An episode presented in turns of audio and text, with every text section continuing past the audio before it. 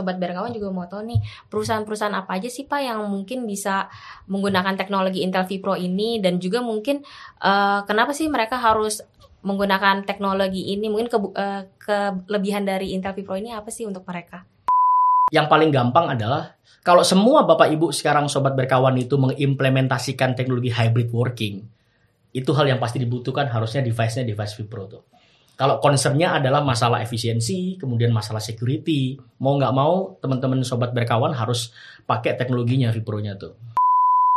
Kalau misalnya masalah bagaimana sih mengadopsi dari teknologi yang kita tawarkan ya, kita menawarkan banyak sekali kemudahan. Ya artinya kalau Anda ingin mengaktifasi sistem yang sudah vPro certified platform, Anda sebenarnya tidak perlu langsung untuk uh, apa secara fisik ya ke device hmm. tersebut. Anda bisa manfaatkan berbagai macam teknologi, mungkin push uh, uh, scriptnya ya ke device tersebut secara otomatis.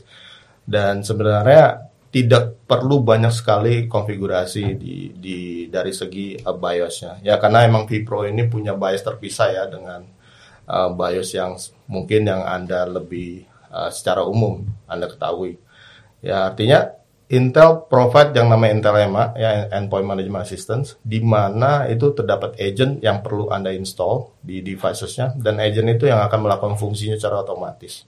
Di klien ya pak ya? Di klien oh di klien iya. Jadi agent ini sebenarnya Anda bisa lakukan berbagai macam metode. Anda bisa push lewat jaringan, Anda bisa lewat uh, USB ataupun uh, media lainnya yang Anda uh, yang Anda istilahnya prefer ya. Dan uh, tentunya karena otomatis dari segi layer di apa lapisan di sistem operasinya dia akan melakukan sinkronisasi secara otomatis ke BIOS uh, uh, vPro-nya ya. Jadi semuanya saya bisa bilang uh, uh, mudah untuk dilakukan ya kembali lagi masalahnya di niatnya aja tapi requirementnya kan beda nih Pak Santo iya. iya kan Vipro ini ada requirement kenapa Betul. Vipro itu bisa Betul. sangat sepowerful itu bisa melakukan betul. hal itu kan tentunya secara hardware juga hmm. ada requirement hmm, betul. betul. Mungkin ya, pertanyaannya kalau saya udah punya nih hmm. Pak bisa nggak sih yang punya ini diimplementasikan Vipro kan ya. itu hal yang mungkin jadi pertanyaan ya ya kalau secara teknikal uh, kalau saya bisa share ini agak teknikal ya hmm. jadi kalau uh, kadang-kadang teknologi Intel itu kan ada perbedaan di dari segi prosesornya juga ya Intel juga buat yang namanya chipset ya juga uh, teknologi pendukung ya mungkin uh, Intel Ethernet, WiFi dan lain sebagainya. Jadi syarat utama untuk bisa uh, mendapatkan secara verifikasi bahwa sistem ini memenuhi syarat untuk menjadi uh, vPro platform. Pertama adalah CPU-nya harus vPro capable.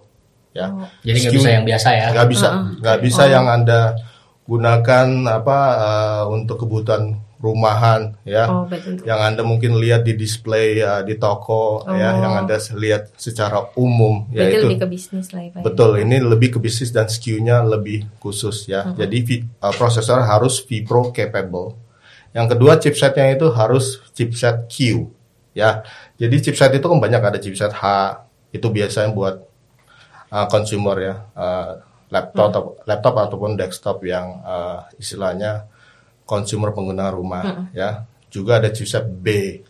B itu biasanya untuk SMB ya small business business. Jadi untuk Vipro ini harus menggunakan chipset yang depannya Q. Q. Q. Ya, itu uh, dari segi chipsetnya. Ya. Dan terakhir yang ketiga yang tidak kalah pentingnya adalah Ethernet dan WiFi-nya harus Intel Vipro capable juga. Ya. Jadi tiga-tiga syarat ini terpenuhi secara basic, secara dasarnya, baru sistem itu akan layak untuk apa uh, diberikan stiker certified vPro platform. Jadi cara termudahnya adalah untuk identifikasi, ya? betul, identifikasi dari device-nya adalah dari segi stikernya. Oh, Ada iya. tambahan kata vPro. Oh. Karena biasa teman-teman kan kalau user awam nih ya uh. uh, beli device, beli laptop ataupun beli PC kan dapat stiker tuh Core i5, iya, Core betul, i7 betul. kan. Jadi cara paling gampang mungkin bertanya-tanya, waduh ruwet nih, saya nggak tahu ini chipsetnya Q, yeah. apakah ini prosesornya capable, uh apakah network saya juga udah support. Uh Paling gampang ya lihat stikernya. Kalau di situ udah Core i7, ada vPro-nya, artinya device itu memang sudah disiapkan untuk device uh, apa namanya vPro ecosystem.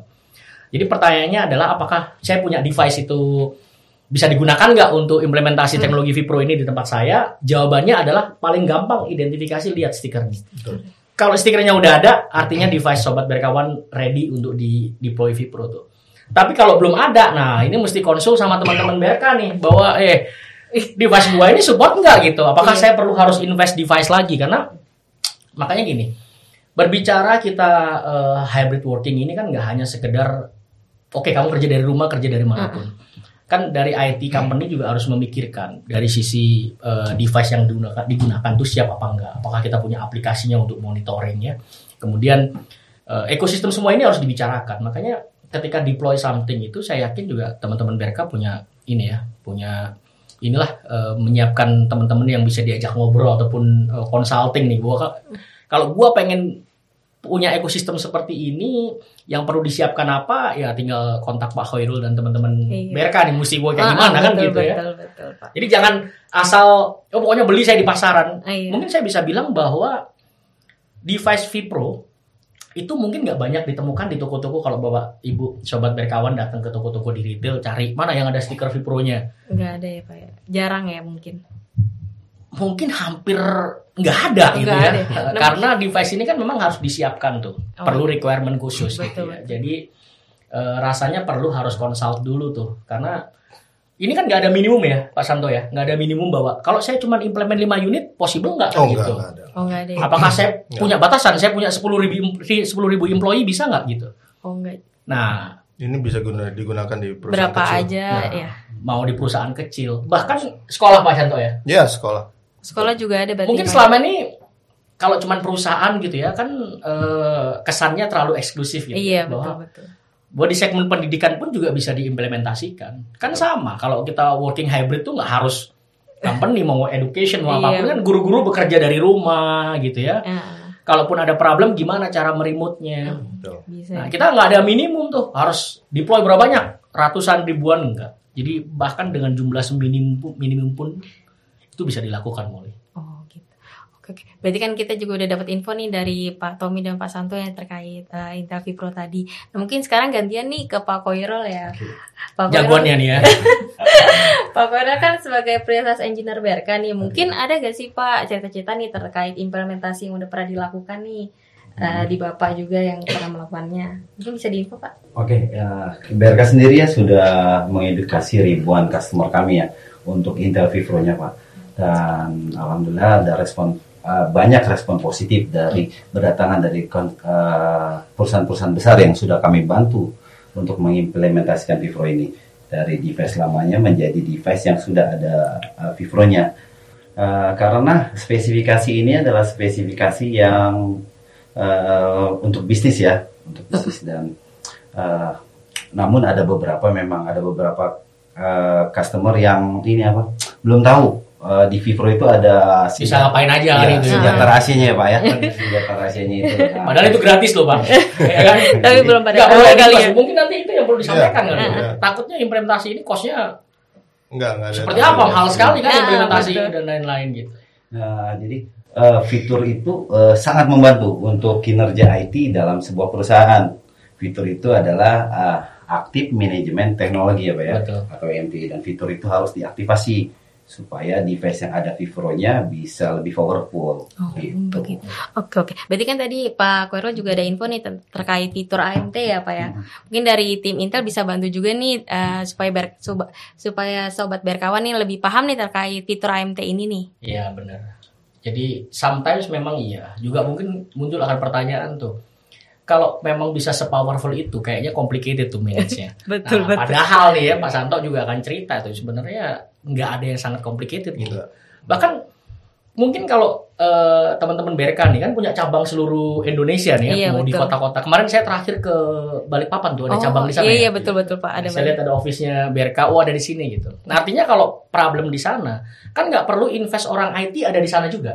Mm-mm. Jadi teman-teman IT-nya BRK cukup di satu Bisa. lantai di gedungnya BRK, Mm-mm. udah fokus di situ, mau rusaknya di mana pun gitu ya, di dari ruangan itu kan Iya, gitu. by remote gitu ya. Jadi Pak. yang di sana cuman ya reps office mungkin kan, Mm-mm. eh, tim sales ada di sana gitu ya. Iya. Kalaupun perlu yang onsite perlu onsite, tapi kalau kita untuk internal problem nggak perlu ya. sediain IT yang ada di sana. Ah, ah, betul betul Pak. Nah mungkin Pak Santo bisa jelasin AMD sendiri itu Apa sih begitu? Ya, AMT itu dari segi uh, hardware platformnya yang ya, jadi uh, ini dari segi uh, uh, devicesnya ya. Jadi fungsi ini sudah ada di dalam uh, devicesnya dan sudah aktif ya. Artinya yang perlu anda lakukan adalah anda perlu me- apa mem- memerlukan software untuk bisa memanfaatkan kemampuan dari uh, AMT ini. AMT ini panjangannya Active Management Technology ya. Jadi uh, Anda bisa lakukan uh, remote uh, di level BIOS ya, artinya ini di luar daripada sistem operasi. Juga ketika Anda blue screen, Anda bisa lihat blue screen-nya langsung ya. Bahkan ketika Anda update firmware Anda bisa lihat proses dari update uh, firmware secara langsung. Ya, jadi ini uh, sudah sudah di dalam uh, jadi kesatuan ya di dalam uh, hardware itu sendiri. Vipro ya. Betul. Nah, yang Intel sudah mikirin ya bukan hanya buat uh, hardware aja, Intel juga mikirin dari segi uh, softwarenya. Jadi Intel buat yang namanya Intel EMMA ya, Endpoint Management Assistance. Artinya Anda bisa utilisasi ya kemampuan dari Intel AMT ini ya untuk manage device-nya lewat cloud. Ya, jadi Anda ingin uh, buat Intel EMA ini di private cloud, di public cloud, di hybrid cloud, Anda bisa uh, pilih. Ya, kita tawarkan fleksibilitas. Dan ini nggak ada biaya tambahan, nggak ada biaya tambahan sama sekali, Keren nggak ya? ada lisensinya, nggak ada Oh, sama ada sekali. Anda hanya perlu deploy, Anda bisa download secara free, lalu Anda bisa deploy dengan bantuan dari tim BRK, ya, dan tentunya eh, eh, Anda bisa manfaatkan semaksimal mungkin. Ya, kalau pertanyaannya, Pak ada maksimalnya nggak devices yang bisa di manage? Nggak ada, untuk saat ini nggak ada. Maksimalnya adalah kemampuan server yang kita punya. Betul, berarti harus mendukung juga ya Pak Benar, untuk yang karena eh, apa namanya yang cukup diperlukan oleh customer kalau dilihat ekosistemnya adalah karena ini cloud base ya seperti Pak Santo bilang bahwa itu bisa hybrid cloud ataupun on premise ya yang tepatnya kita. Kita ngomongin yang on premise deh gitu. Mungkin kalau ngomongin cloud eh, perlu biaya tambahan untuk taruh yang ada di sana ya. Kalau on premise server misalkan kita sudah punya nih. Jadi perlu ditaruh di situ tuh servernya. Nah, server tinggal eh, endpoint manajemennya tinggal diinstal di situ aja tuh. Jadi EMA servernya di situ di on premise. Nah, kemudian kalau kemampuannya berapa besar ya tinggal di update servernya ke- sesuai dengan kebutuhan berapa banyak employee yang mau di manage sih. Oh, Nah, jadi batasannya pertanyaannya adalah semaksimal server yang kalian punya dah gitu. oh, jadi lebih ke servernya aja ya Pak ya. Betul. Kalau dari sisi end endpointnya sendiri mau berapa orang juga sedikit atau banyak juga bisa ya Pak. nggak ada masalah. Oh, nggak ada masalah. Jadi kalau berbicara mengenai license itu udah nggak ada license-nya, Intel sudah sediakan semuanya ya Pak Santo ya. Ya. Yang hanya diperlukan mungkin tambahan untuk diimplementasikan ke servernya. Hmm. Nah, jadi ke server itu untuk ya kan di remote harus Iya. ada di sana gitu Ah, ah, agar betul, semua betul. terkoneksi kan. Nah, cuman itu aja sih yang perlu diinvestasikan di depan ya, eh, termasuk dari klien yang akan mau di eh, remote tuh seperti apa. dan dan lebih kerennya menurut saya ini nggak perlu VPN. Jadi kalau misalnya perusahaan-perusahaan ada pakai VPN, VPN-nya korup itu nggak masalah. Ya, saya rasa itu yang salah satu uh, poin value utama juga ya ketika anda VPN-nya bermasalah, anda ingin tetap bisa manage ya tentunya uh, anda bisa gunakan Intel EMA ini. Kok banyak kerennya sih Pak Santo? Oh banyak keren. Pasti Intel dong ya. selalu mikirin hal-hal yang Kecil biasanya ya. customer belum terpikirkan. Iya betul betul. Ya itu gunanya dari R&D-nya. Tapi itu. yang lucunya begini nih Molly sama Pak Hoirul ya. Kita itu melihat mengidentifikasi bahwa sebenarnya banyak perusahaan di Indonesia ini yang sudah beli device Vipro ya. Betul. Santo ya. Udah beli nih Vipro-nya. Oh udah Pak ya. Device-nya udah ready. Cuman somehow mereka hanya melihat bahwa oh saya beli Core i7 nih notebook. Tapi padahal di situ sudah ada Vipro ready itu. Nah, yang jadi pertanyaan besarnya kita adalah Nah, mungkin ini kita bicara pandemi ini seperti blessing in disguise gitu ya. Di, di satu sisi bahwa ini jadi eh, disaster, jadi bencana dan lain-lain. Tapi justru karena adanya pandemi ini kan dipaksa kita agar lebih melek teknologi. Muncul hybrid working begini kan kendala yang good problem yang harus diselesaikan tapi problemnya Betul. kan. Nah, dengan adanya Vipro ini padahal mereka tidak sadar selama ini udah punya device-nya. Hmm. Cuman nggak tahu ini Nggak digunain. nggak gitu ya. digunain, nggak di nggak diactivate. Makanya kita melihat belakangan kita eh, teman-teman di Intel juga banyak sekali yang mengencourage ataupun mengedukasi untuk penggunaan Vipro ini ya sobat berkawan. Yang kita perlukan lagi adalah pertama mungkin sekarang begitu melihat podcastnya sekarang ini ya TikToknya BRK ini dilihat dulu tuh notebook saya ada stikernya nggak kan gitu. Eh, betul betul. Nah kalau notebook sudah ada stikernya, artinya ya harusnya udah ready kan, tinggal kontak teman-teman eh, BRK atau betul. teman-teman ke mana yang untuk diaktifasi ya Pak. apa namanya bisa melihat bahwa gimana cara bikin ekosistem Vipro-nya kan gitu. Hmm, betul betul. Karena device-nya udah punya. Iya. Ini yang kita kita udah ribuan unit jual bahkan teman BRK juga udah jual ribuan Wah, unit betul, device yang betul. Vipro ready. Cuman kita hanya sedikit ya Pak Santo ya yang mengactivate EMT-nya dan tahu ini gimana how to Iya. use-nya gitu. Jadi harus eh, mungkin banyak edukasi juga kali ya ke customer-customer gitu ya. Ini salah satu effortnya eh, BRK ya. BRK yang dilakukan ya, di mana kita bisa bantu sobat berkawan untuk mengidentifikasi device-nya dulu, paling enggak kemudian mau deploy untuk ekosistem di lingkungan company-nya seperti apa. Bahkan teman-teman government kalau pun lihat hal ini juga bisa ide itu untuk hybrid uh, working dilakukan ya. Mau nggak mau juga harus Oh ini mulai harusnya dipikirkan udah tuh. jadi standar pemerintahan. Iya betul Benar. betul. Iya, Harusnya udah jadi standar. sudah. Tapi Karena negara tetangga sudah menjadikan Vipro Oh. ini sebagai standar. Nggak boleh di bawah Vipro. Karena device Vipro ya, eh, device Vipro itu mungkin eh, agak berbeda dengan device yang consumer biasa temukan di market ya. Mm. Karena device seperti Pak Santo bilang bahwa device Vipro ini kan begitu untuk jadi Vipro kan harus di testing berulang-ulang tuh. Mm. Jadi sebelum dijual itu harus di testing dulu baik softwarenya, firmwarenya semuanya itu dites sampai benar-benar bahwa ini eh, Lulus gitu. lulus dan punya stiker Vipro. Ah. Artinya hardware-nya pun bukan hardware yang main-main, Molly. Ya. Jadi hardware-nya pun juga udah dipilih sama teman-teman brand eh, vendor-vendor eh, rekan kita ini ya. Mereka sudah memilih device-nya seperti apa, bahannya seperti apa. Jadi memang Vipro ini bukan main-main dari sisi hanya aplikasi, software untuk meremote enggak, bahkan hardware device-nya pun dipilih khusus tuh khusus. karena di testing berulang-ulang agar bisa lulus untuk bisa dapat certified Vipro gitu. Oh begitu. Berarti canggih lah ya Pak untuk device sendiri ya yang Intel Vipro. Oke oke. Berarti kan eh, tadi udah dijelasin juga nih Pak terkait fitur, terus kemudian spesifikasi apa aja nih untuk device yang bisa teknologi Intel Vipro. Nah mungkin kalau sobat berkawan nih mau tanya-tanya terkait eh, Intel Vipro lebih dalam lagi nih, mungkin Pak Wiro bisa diinfokan. Ya, jadi untuk teman-teman yang ingin tahu lebih lanjut tentang Vivro, fitur, uh, dan Active Management Teknologi, bisa menghubungi saya melalui uh, email marketing kami di telemarketing@berka.co.id. Nanti kami akan support sampai uh, running Vivro-nya dan MT.